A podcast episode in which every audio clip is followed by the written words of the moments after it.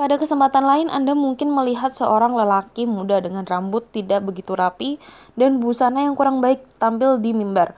Wajahnya masih kekanak-kanakan, celana jeans yang dipakainya terlihat sobek dan kecil di dengkulnya. Pembawa acara memperkenalkan dia sebagai penceramah yang akan berbicara tentang agama, sains, dan teknologi. Anda ragu, apakah mungkin orang semacam itu dapat berbicara topik seberat itu? Ia tidak memiliki prior ethos, namun Segera setelah ia berbicara, Anda terpesona dengan pemilihan katanya, isi yang disampaikannya, dan kedalaman uraiannya. Perlahan-lahan Anda mengaguminya dan mempercayai ucapannya. Orang itu sekarang memiliki apa yang disebut Anderson sebagai intrinsic ethos. Seperti dalam contoh intrinsic ethos dibentuk oleh topik yang dipilih dan cara penyampaian teknik-teknik pengembangannya, pokok bahasannya, dan bahasa yang digunakan atau sistematika yang dipakai.